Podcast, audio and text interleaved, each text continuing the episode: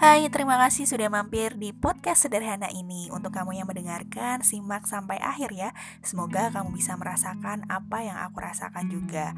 Aku suka untuk berbagi cerita tentang segala isi yang ada di kepala, terutama suatu hal yang terjadi padaku pada akhir-akhir ini.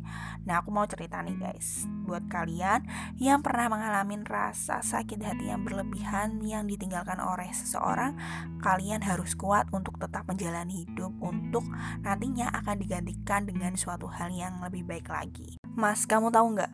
Sejak kepergianmu, aku tuh sulit menemukan orang baru. Aku setiap harinya bertarung dengan isi pikiranku. Aku berani menolak yang datang yang tidak menunjukkan keseriusannya. Bagaimana mungkin? Dulunya pun kamu kan yang berusaha meyakinkanku untuk serius pun aku masih ragu. Apalagi yang hanya sekedar datang hanya untuk main-main. Patah hati bukanlah episode kehidupan yang harus terus diulang kembali, bukan? Enak sekali ya kamu. Dulu aku menemanimu dari KKN sampai kamu wisuda. Sedangkan kamu meninggalkan aku di fase yang mana aku harus berjuang mati-matian sendirian. Sebegitu kejinyakah kamu, Mas? Sebegitu hauskah kamu akan perhatian seseorang perempuan sampai kamu bisa terayu dengan orang lain?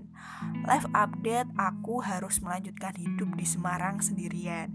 Aku mengambil banyak keputusan dan salah satunya meninggalkan teman baikmu yang berusaha mengetuk pintu hatiku.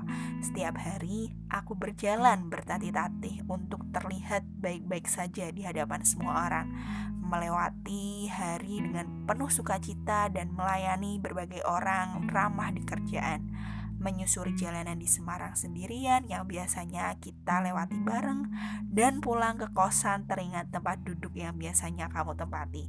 Aku sama sekali tidak ada persiapan ketika kamu beranjak pergi. Jika memang sudah ditakdirkan seperti ini ya, aku terima dengan ikhlas. Bagaimana ikhlas itu selanjutnya akan aku usahakan sebaik mungkin.